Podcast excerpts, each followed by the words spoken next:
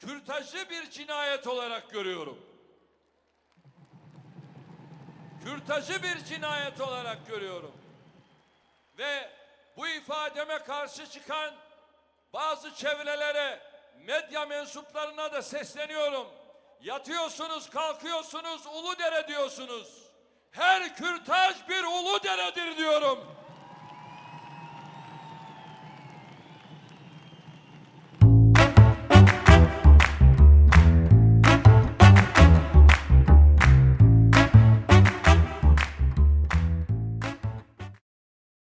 Mutfakta Ne Var'ın yeni bölümünden herkese merhaba. Ben Meltem Suat. Bugün Kadir Has Üniversitesi Toplumsal Cinsiyet ve Kadın Çalışmaları Araştırma Merkezi Proje Koordinatörü Sayın Deniz Altuntaş'la beraber Türkiye'de kürtaj araştırması raporunu pişireceğiz. Deniz Hanım hoş geldiniz.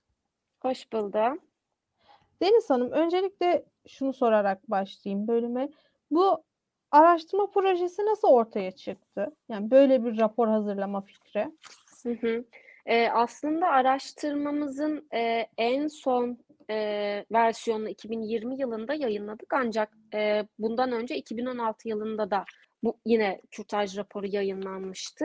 E, ben e, o zaman tabii merkezde yoktum ama şöyle bir gerçek var ki bu araştırma neden çıktı aslında çok önemli bir soru çünkü Şimdi birçok insanın da bileceği gibi kürtaj en son 1983'te yürürlüğe giren nüfus planlaması yasasıyla birlikte aslında 10 haftaya kadar yasal olan bir şey kürtaj işlemi.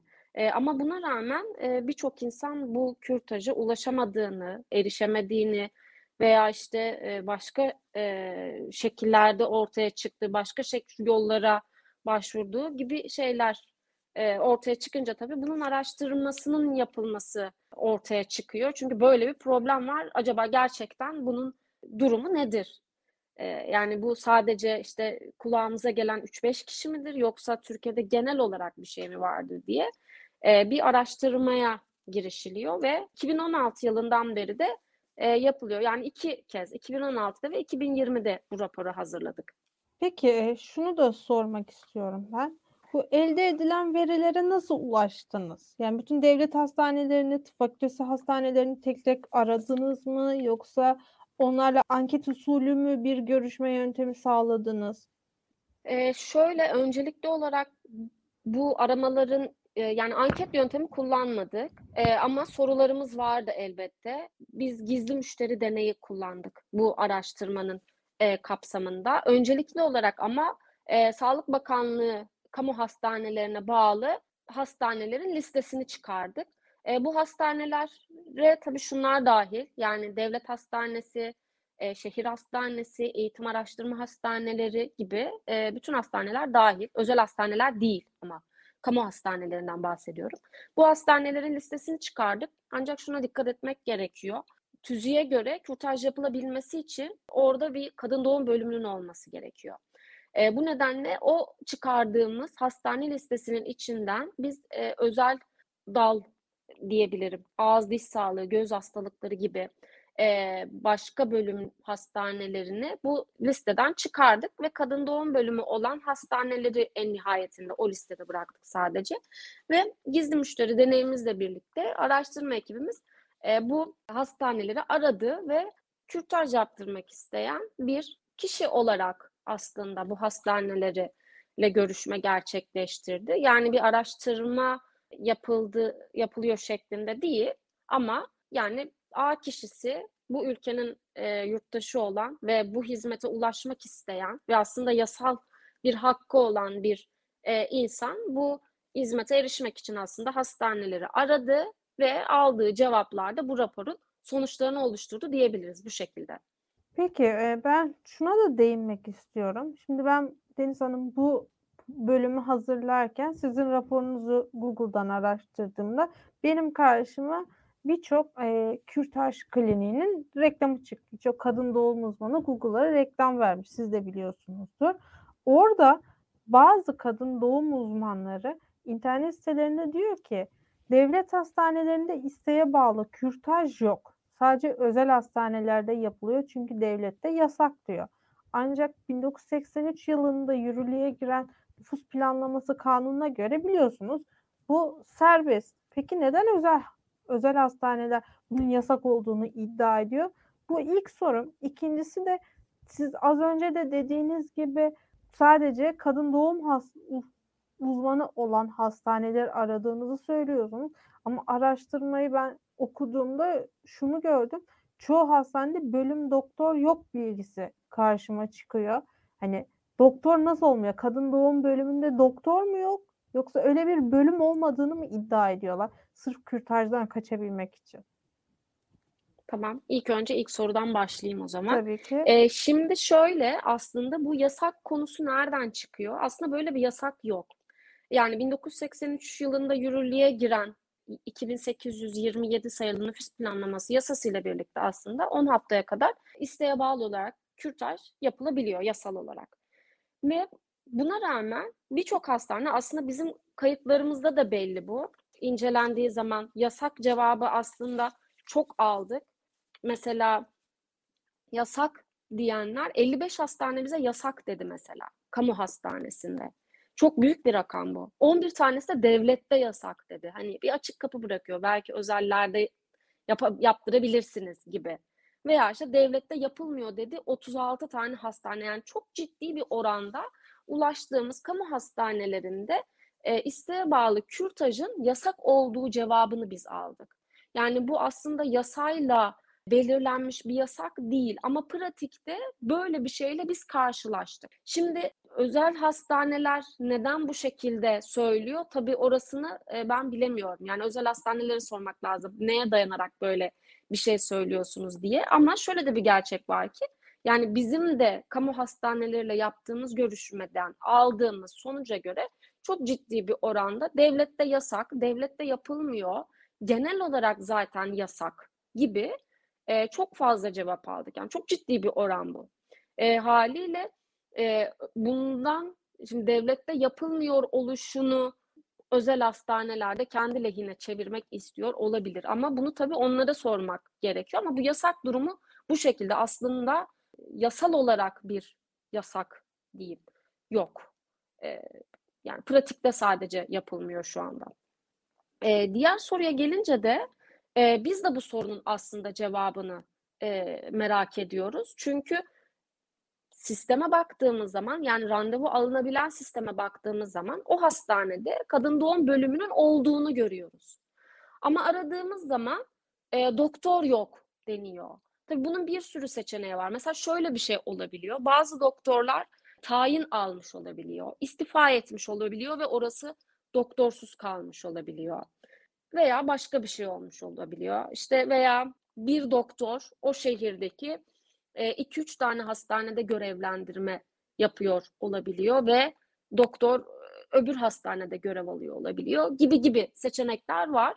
E, ama ilginç bir şekilde yani e, hasta şeyde randevu sisteminde bölüm gördüğümüz gördük yani var.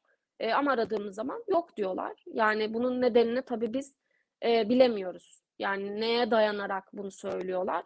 Onunla ilgili bir bilgi vermiyorlar. Çünkü e, bölüm yok dediği zaman e, hani başka bir soru soramıyoruz. Orada zaten e, görüşme tamamlanmış oluyor. Peki e, şöyle bir şey var. Ben dediğim gibi bu bölümü hazırlarken birden fazla kürtajla ilgili veriye baktım ve Sedef Erken'in biliyorsunuzdur AKP ve Biyopolitika isimli bir e, çalışması var. Mesela ben onun makalesini okuduğumda AKP'nin 2010 yılında yapılan Uluslararası Aile Konferansı'na katıldığını ve bu konferansın sonuç bildirgesinde mevcut iktidarımızın temsilcilerinin eşcinselliğin bir hastalık olduğu ve kürtajın önlenmesi gerektiğini belirtiyor. E biliyorsunuz 2013 yılında Aile Bakanlığı 25 yaşın altında evleneceklere 10 bin lira faizsiz kredi verileceğini söylüyor. Üniversite okurken evlenen gençlerin kredi borcunu sileceğiz diyor. E, Cumhurbaşkanı her fırsatta en az 3 çocuk söylemiyle insanlara hani biliyorsunuz katıldığı nikahlarda, etkinliklerde hep bir üç çocuk temennisi var. Hani benim de aklıma şu geliyor. Acaba bu doktorlar da fişlenme korkusuyla yarın öbür gün hani kıdemim yükselmez, kürtaj yaparsam ucu bana dokunur korkusuyla mı hareket ediyor sizce? Kalıyorsun hamile. Doğru yoldan yanlış yoldan. Kardeşim korunmanın 50 tane metodu var. Artık çağ, e, çağ bunun gereklerini ortaya koymuş. Sen bunu yapmayacaksın. Keyif çatacaksın. Karnında bir canlı taşıyacaksın. Hayır ben bunu yapmayayım. E yapmayayım da e, çocuğu öldüreyim. Efendim birisi zina yapmış da gayrimeşru çocuğu doğursa mıymış? Zina yaparken düşünsün onu. Ee, şimdi ilk önce hani şunun da bir altını çizmek gerekiyor. Bunların hepsi e, doğumu teşvik edici politikalara bağlanıyor. Bu aslında bahsettiğiniz bütün konular. Ee, hani kürtajın önlenmesinin gerekliliği konusu mesela e, şu anda işte yasal bir işlem olmamasına rağmen pratikte e, yasak olması durumuyla ve hatta e, doktorların kendi e, isteği doğrultusunda yapmadığı cevabını da alıyoruz. Mesela neden kürtaj yapmıyorsunuz? Çünkü doktorumuz yapmıyor deniyor. Bu da çok fazla karşımıza gelen bir e, şey. Şimdi bütün bunları düşündüğümüz zaman da doktorlara karşı bir şey var mı burada? Bir engelleme veya bir e, başka bir e, yasak var mı? Bunu da bilemiyoruz biz. Aslında buna ulaşmaya çalışıyoruz. Ancak şu anda o kadar net bir şekilde konuşabilen birisine rastlayamadık. Yani evet bazen böyle off the record bir şekilde cevaplar alabiliyoruz ama e, açıkçası çok da gönüllü olmuyorlar bu konuda çalışmak için, e, bu konuda cevap vermek için. Yani bununla ilgili sadece biz de çalışma yapmıyoruz. Yani bu konuyla ilgili e, çalışma yapan diğer kişilerle de görüşme halindeyiz ve onlar da aynısını söylüyor. E, isminin açık bir şekilde paylaşılmasını veya bilinir bir şekilde bu konularda cevap vermeyi özellikle sağlık çalışanları çok e, doğru bulmuyorlar. Daha doğrusu biraz çekiniyorlar anladığım kadarıyla. Bu şekilde yani biz Ya de ben- alamıyoruz cevapları. Ben sizin raporunuzu okuduğumda mesela hastanelerin biri kürtajın bayan personele sorulmasını, bayan personel ne oluyorsa teklif ediyor. Hani bir utanç meselesi. O- Hani bu çocuğunu aldırmak istiyor. Aile planlaması yapmak istiyor ama tövbe tövbe estağfurullah. Hani bir erkeğe soruyor bari bir kadına mı sorsun diye topu başkasına mı atıyor ya da beş tanesi kürtajın keyfi olduğunu ifade etmiş. Hani keyfi kürtaj nasıl oluyor? Canı sıkılınca kadınlar gidip çocuklarını mı aldırıyorlar? Öyle bir keyfiyet mi var? Onu çok merak ediyorum. Bir de şunu soracağım. Bu araştırmadan sonra size Sağlık Bakanlığı bir dönüş yaptı mı? Hani aslında yasak değil, hastanelerimiz yapıyor, ediyor diye bir savunma durumu oldu mu? O zaman sondan başlayayım. Böyle bir Tabii. e, böyle bir aslında savunma gelmedi elbette. Hani biz araştırmacı olarak merak ettiğimiz bazı soruları aslında şeyden CİMER üzerinden de e, sorduk. Yani işte e, yani kürtaj sağlanıyor mu veya işte e, şartları nedir gibi ama oradan da hani aslında bildiğimiz şeylerin dışında çok da bilgi almadık. E, kendimiz bir birey olarak başvurduk yani ama oradan da çok değişik bir şey aslında edinmedik. Herhangi bir cevap da gelmedi açıkçası. Yani biz bizim araştırmamızı yap, yaptık ve biz kenarda duruyoruz bu şekilde. E, ama sonuç yani çıkan sonuçlar gerçekten çok ilginç aldığımız. Çünkü gelen bütün aslında o söylemsel farklılıklar o kadar ilginç ki. Yani neden bunu söylediler, neden bu şekilde kullandılar? O çok farklı bir araştırmanın konusu olacağı için tabii ki biz bilemiyoruz. Yani neden keyfiyet olduğunu düşündünüz ki e, diye sormak o araştırmada hani kardeş sen işte kürtaj istiyordun bunu niye didikliyorsun gibi bir şey de söyleyebilir. O yüzden hani o durumu o role aslında girerek e, yaptığımız için hani keyfiyet konusunu fazla kazımadık ama çok ilginç bir şekilde yani hani isteğe bağlı kürtajı keyfiyet olarak e, adlandırıyorlar. E, hani gerçekten çok ilginç bir şey. Bu- Buna nasıl tabii bu kanaate vardılar. O da ayrı bir e, tartışma konusu. Ama aldığımız şeyler gerçekten çok ilginç. Yani e, işte mesela bekar olduğunuza dair e, belge getirin. Yani nasıl Evet. size belge Bunu nasıl ispatlayabiliriz bekar Evet evet. da? Bunu bunu size nasıl ispatlayabilirim? Yani hani ne yapmamı istersiniz mesela? Nasıl yani kimliğimde yazıyor zaten. Tabii bu bahsettikleri şey işte e-devlet üzerinden alınan bir nüfus kaydı. vuk- evet evet bir tanesi savcılıktan yazı istedi mesela. Bunu anlayamadık. Neden yani? Hani niye Yani savcılar Bulunduğum gidiyoruz? ilçenin Cumhuriyet Başsavcısının bana bekarlığımı ispat Evet. edecek bir belge verdiğini düşünüyorum. Evet. Çok Evet, evet. Ben düşünemedim. Yani ben e, hani kamu yönetimi mezunuyum ve ben düşünemedim bunu. Ben neden savcıya bunun için gideyim, bunu anlatayım diye. Yani böyle ilginç cevaplar da aldık. Tabii neden bunları istiyorlar, neden böyle bir şartlar öne sürüyorlar? O da ilginç. Yani e, daha başka bir araştırmaların konusu olabilecek bir şey. Çünkü işi mi acaba zorlaştırmaya çalışıyorlar yoksa gerçekten böyle bir işleyiş mi yapıyorlar orada? Yani bu da çok ciddi bir işleyiş hatasıdır eğer böyle bir şey varsa. Çünkü e, hali hazırda tüzükte böyle bir şey yok. E, eğer e, bekarsanız herhangi bir şeyi kanıtlama gibi bir e, şart tüzükte yazmıyor. Hastane kendi kendine bir, bir düzenleme oluşturuyor. E, kendi kurallarını kendisi mi koyuyor? Diye sormak lazım ama bu tabii başka bir dediğim gibi başka bir araştırma konusu olduğu için e, hani o anlık sorabileceğimiz bir soru olmuyor. E, bu şey böyle ilginç Yani ilginç cevaplar aldık. Şunu düşünüyorum da hani noterden tasdikli vukuatlı nüfus kaydı istense derim ki evet noter onayı gerekli. Ama savcıya gidip meramımı nasıl anlatacağım? Ben hamile kaldım. Çocuğumu aldırmak istiyorum. Şu an anne olmaya Evet. hazır değilim ve sizden bunun için izin almam lazım. İzin verirseniz bekar olduğumu ispatlarsanız ben de gidip hani çoğalmayacağım. Böyle bir Evet. işleyiş mi var yoksa onlar tamamen bizden çıksın diye bence bu mantıkla ilerliyorlar. Mesela Hiçbir fikrim yok. ben bu şeyi araştırırken hani çok ilginç bir bilgiye denk geldim. Belki siz de biliyorsunuzdur. Boşandıktan sonraki 6 ay içerisinde kimden olduğu önemli değil. E, kürtaj olmak isteyen kadın eski eşinden izin almak zorunda. Mesela o 6 ay Evet. içerisinde hani yeni erkek arkadaşından da hamile kalmış olabilir ama eski eşi ona onay veriyor. Niye yani 6 ay içinde eski eşi ve kadın arasında nasıl bir iletişim olacak? Belki tartışmalı boşandılar. Bir şekilde araya bir şey girdi, bir olay girdi. Kadın gidip şey mi diyecek? İzin verirsen senden sonraki hayatıma devam etmek istiyorum ve çocuğumu aldırmak istiyorum. Yani adamın Evet.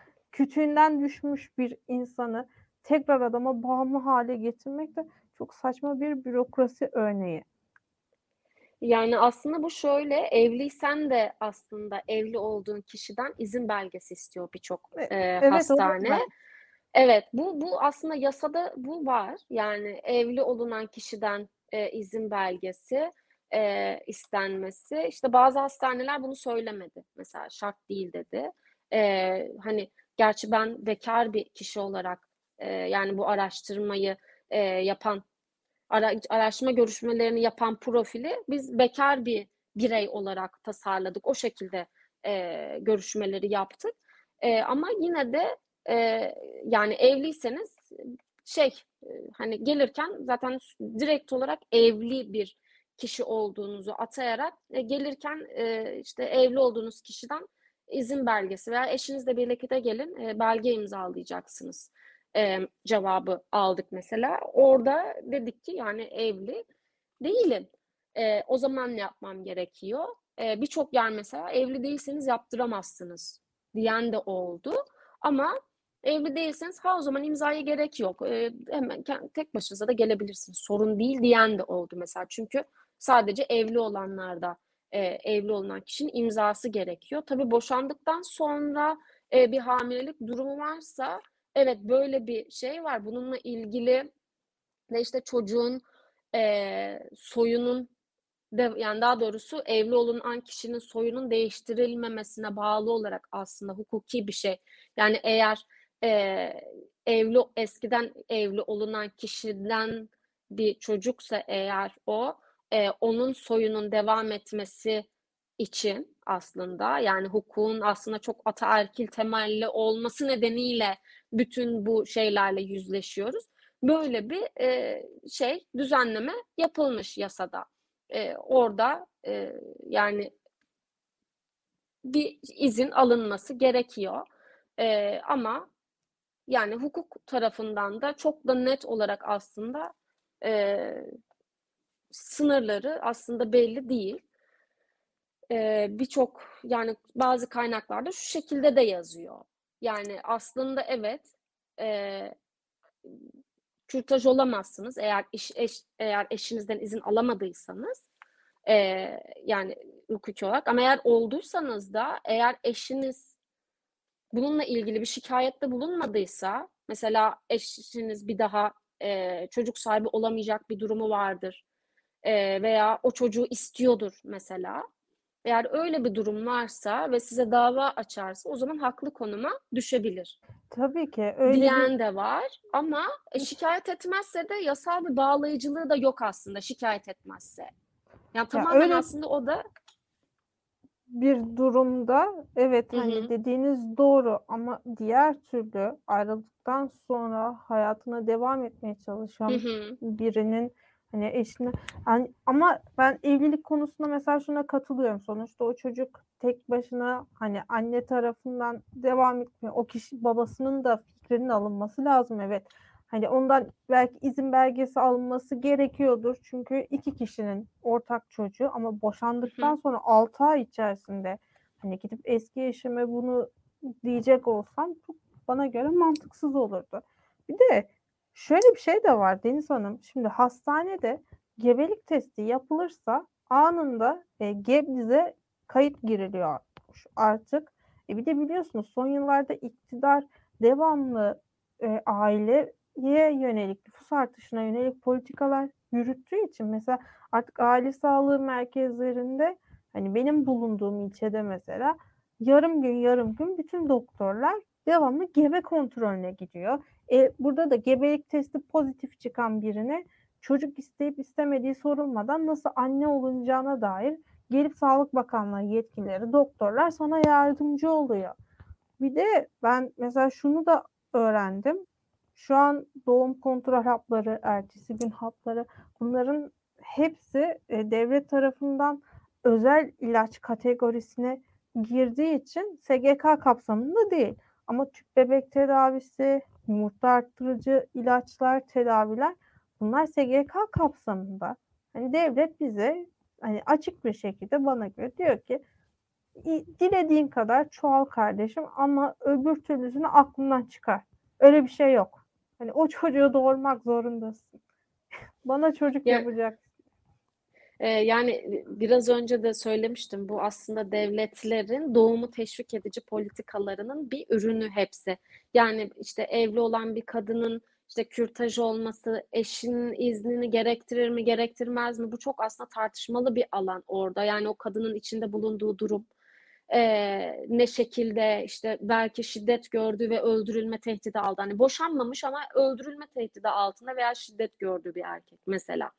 Ve o çocuğu doğurmak istemiyor. Yani o çocuk daha işte eee, hani bu, bu bu şekilde dünyaya gelmesini istemiyor belki. O yüzden orası tartışmalı bir alanken işte onun haricinde işte doğum kontrol ilaçlarının veya ertesi gün haplarının e, işte devlet desteğinden aslında çıkarılması söz konusu.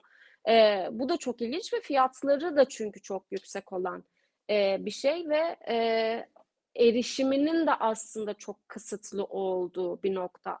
E, bilgi konusunda da çok ciddi bir eksiklikler var. E, yani bu bunların hepsi işte dediğim gibi bu doğumu teşvik edici politikalarla ilgili.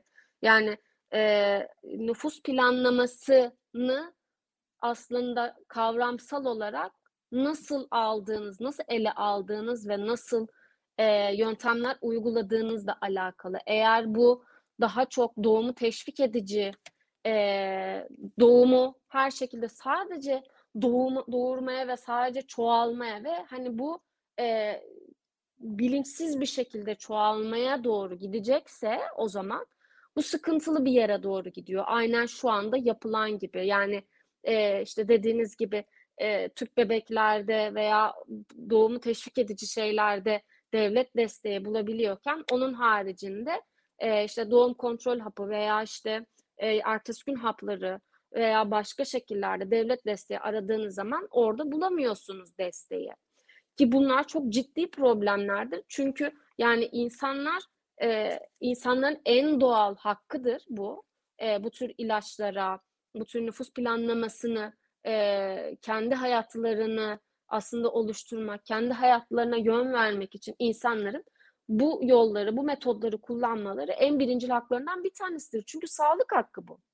Ee, yani bir insana illaki sen çocuk doğuracaksın denemez. Eğer o kişi istiyorsa yapar, istemiyorsa yapmaz. Bu kişinin kendi haklarından ve kendi hürriyetine bağlı olan bir şeydir aslında. Ee, ama bu şu anda aslında hani genel politik duruma baktığımız zaman çok da böyle olmadığını görüyoruz biz çıkan sonuçlardan baktığımız zaman. Ee, yani işte e, yani kürtaja aradığımız o hastanelerin hepsinde sadece 10 tane hastanede ulaşabildik. Ve 8 il. Sadece 8 ilde yani 81 ilin sadece 8 ilinde biz kürtaja ulaşabildik. Yani ulaşabildiğimiz ve görüşme yaptığımız hastane sayısı 295 zaten. Öyle bakın yani 223 tane hastaneye de ulaşamadık bu arada. Yani biz 295 hastanenin sadece 10'unda kürtaja ulaşabildik. 10 hastanede, Türkiye'de. Yani bu demek oluyor ki e, kamu hastanelerinde sadece 10 hastanede e, ben hakkıma erişebiliyorum. Şanslıysam. Tabii bu insanların daha çok e, zorlanmasına sebep oluyor. E, isteğe bağlı kürtaj evet e, bulmakta zorlanıyor ama aynı zamanda yani kürtaj hizmetine ulaşmak isteyen insanlar e, cinsel saldırıya maruz kalmış olabilir. Herhangi bir istismara maruz kalmış olabilir ve bunun neticesinde bir gebelik durumu oluşmuş olabilir. Orada da mesela izin çıkmıyor. Yani orada da hakkınız aslında gasp ediliyor gibi bir şey söz konusu. Çünkü ulaşamıyorsunuz hizmete. Yani Evet. o mesela biraz önce bahsettiğimiz keyfiyet durumunu muhtemelen burada ayırıyorlar. Yani siz keyfi olarak mı istiyorsunuz yoksa atıyorum e, cinsel saldırıya mı maruz kaldınız veya işte düşük gibi bir şey mi söz konusu veya sizin sağlığınızı mı tehdit ediyor? Yani zorunlu şartlar var mı? Yani orada işte zorunlu şartlar dediğimiz aslında neye göre değişiyor? Kimin zorunlu şartları gibi ki e, hani tecavüz e, sonucunda dahi e, gebelikler oluştuğu zaman ki bu çocuk istismarı için de geçerli. Yine raporumuzun başında belirtmiştik bunu. E, çocuk istismarı sonucunda e, işte gebe kalıyor çocuk ve e, mahkeme kararı çıkıncaya kadar çocuk çocuk doğum yapıyor. Ya ve mahkemenin en sonunda anayasa kararında yani bunun aslında çocuğun e, kürtaj olabileceği sonucu çıkıyor kararın sonucunda. Bunu peki bu kadar kararın uzaması, bu sürecin uzaması gerekiyor muydu bu çocuğun e, doğumu yapması için? Çocuk istismarına maruz kalmış. Yani e, ve bu kürtaj ve ebeveyni de izin veriyor ama bu işlem gerçekleştirilemiyor. O yüzden e, hani aslında olay çok e, bireysel veya e, çok e, küçük alanı kapsayan veya sadece birkaçımızın denk geldiği bir konu değil bu. Yani hani "Ay ben kürtaj yaptırmıyorum ki niye bu kadar hani ilgileneyim ki denilebilecek bir konu da değil aslında. Bu bütünlüklü olarak aslında hepimizin bir şekilde maruz kaldığımız bir doğumu teşvik edici politikaların sonucu bu. Ee, sizin de örnek verdiğiniz gibi hani bir yanda işte kürtaj konusunda karşımıza çıkıyor. Bir yanda ihtiyacımız olduğu zaman artist gün karşımıza çıkıyor. Ee, birkaç tane farklı marka var. Ee, sorduğunuz zaman hangisinin e, ne işe yaradığını veya aralarında ne farkı olduğunu e, eczacılar da çok fazla bilgiye sahip değiller bu konuda mesela. E, olanlar da var elbette. E, ama e, aile sağlık merkezleri de artist gün hapının ne olduğunu bilmeyebiliyorlar. Veya e, Evet. yani bu tür şeylerle farklı farklı alanlarda karşınıza Şöyle çıkıyor. bir Yani şey var. Mesela ben hani eczaneden bir ilaç aldım. Primalut diye bir ilaç. Biliyorsunuzdur. Ee, o o ilacı mesela alırken eczacı bana şey diyor. Nasıl kullanacağını biliyorsun değil mi diye. Yani bir an şey dedim acaba ben Far- Amsterdam'da falan mıyım? Nasıl kullanılacağını biliyor muyum? Hani bir ilaç en fazla bir bardak suyla kullanacağım bir ilaç. Nasıl kullanılacağını biliyorsun değil mi? E dedim bilmiyorum siz ha, o zaman sana anlatmamız lazım diyor. Ve bunu o kadar şey yapıyor ki hani gizemli bir şekilde nasıl kullanılacağını biliyorsun değil mi? Ya ve dediğiniz şey hani sonuna doğru yaklaşırken dediğiniz şeye ek olarak şunu da söylemek istiyorum. Mesela diyelim ki iki çocuğu olan yoksul bir aileyi düşünün. E bunlar bu aile üçüncü çocuğu yapmak istemiyor. Ama aile planlamasına dair her şey ücretli ve yoksul insanlar bu yüzden mecburen hani üçüncü çocuğu yapmak zorunda kalıyor. Bana göre de bu birazcık isteğe bağlı kürtaj değil, devletin isteğine bağlı kürtaj ve aile planlaması. Devlet istiyorsa hani diyor ki tamam hani ben izin veriyorum doğurmayabilirsin ama istemiyorsa diyor ki tamam kardeşim ben istiyorum doğuracaksın. Hani birazcık onlar artık bizim odalarımıza üçüncü bir kişi olarak dahil oluyormuş gibi oldu. Ben Yani aslında şöyle bir şey var orada. Yani eee, şimdi herkesin aslında ihtiyacı olabilecek bir şey ve bu sadece eee, şey de değil. Hani işte mesela yoksulların işte eee, işte çocuğa bakamayacak durumda olmaları, işte durumları vesaire. Bunlar olmayabilir. Mesela o yoksul aile evet beşinci çocuğu da belki yapmak isteyebilir. Yani gerçek bir nüfus planlaması mesela yani kişinin hak ve hürriyetlerine sahip çıkmalı ve kişi e, eğer ki e, nüfus planlamasından faydalanıp doğumu engelleyici yani gebeliği en, önge- engelleyici bir yöntem kullanmak istiyorsa bunu ona sunmalı. Eğer ki istemiyorsa o zaman gebeliğini daha sağlıklı bir şekilde ilerletmesi için ona o yöntemleri sunmalı. Yani sağlık e, hakkı dediğimiz şey bu olmalı aslında baktığımız zaman. Ama bu şekilde ilerlemiyor. Yani bu sadece burada bu dönemin tartışması da değil. Yani nüfus planlaması konusu Türkiye'de açılmaya başladı. İşte 1960'larda da böyleydi. 1980'lerde de bu tartışmalar vardı ve orada da aynı şeyler söyleniyordu. Yani işte e, nüfus planlaması e, işte evliler için tamam işte onlar e, evli oldukları için işte belki ikinci, üçüncü çocuğu yapamayacaklar ama işte yapmak istemiyorlar. Belki e, maddi imkanları yok. Ama bekarların aklına karpuz kabuğu düşürmeyelim. E, onlara böyle bir cinsel özgürlük vermeyelim. Tartışmaları yürüyor. Yani orada bile aslında yani her dönemde kişiler değişiyor ama politikalar ve aslında öne sürülen fikirler hep aynı. Sadece kişiler değişiyor.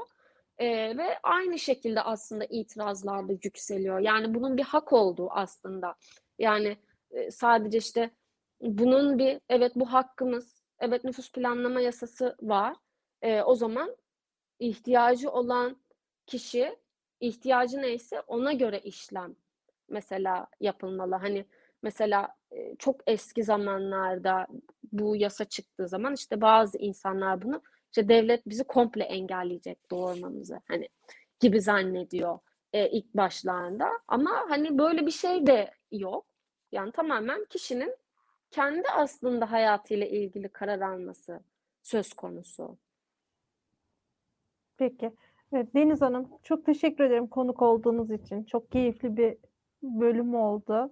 Ben Umarım teşekkür ederim. önümüzdeki sene bu arada 2021 raporunu yapmayı düşünüyor musunuz? Hazırlığı var mı son olarak onu da sormuş olayım. Ee, 2021 raporu hazırlığımız yok. Bu e, daha doğrusu kürtaj raporu o kadar e, her sene yapılabilecek, her sene değişen bir şey değil. O yüzden e, hani 2016'daydı bir önceki. Bu 2020'de yapıldı e, bahsettiğimiz. Bir sonraki artık ne zaman olur bilemiyorum. Ama hani biraz daha e, zaman ilerledikten sonra şekillenir diye düşünüyorum artık. Yani dönemle de alakalı. Değişen dinamikler olur, değişen tartışmalar olur. E, ondan sonra belki bak bakılabilir tekrardan yani. Umarım bir sonraki rapor için konuştuğumuzda daha iç açıcı verilerle deriz ki ya 2020'de durum çok kötüydü ama şu dönemde durum ne kadar güzel. Demek ki bazı şeyleri değiştirebilmişiz diyebiliriz. Çok teşekkür ederim. Çok keyifli bir Ben teşekkür bölümdü. Mutfakta Ne Var'ın bir bölümün daha sonuna geldik. Yeni bölümlerde, yeni konuklar ve yeni gündemlerle buluşmak üzere. Hoşçakalın.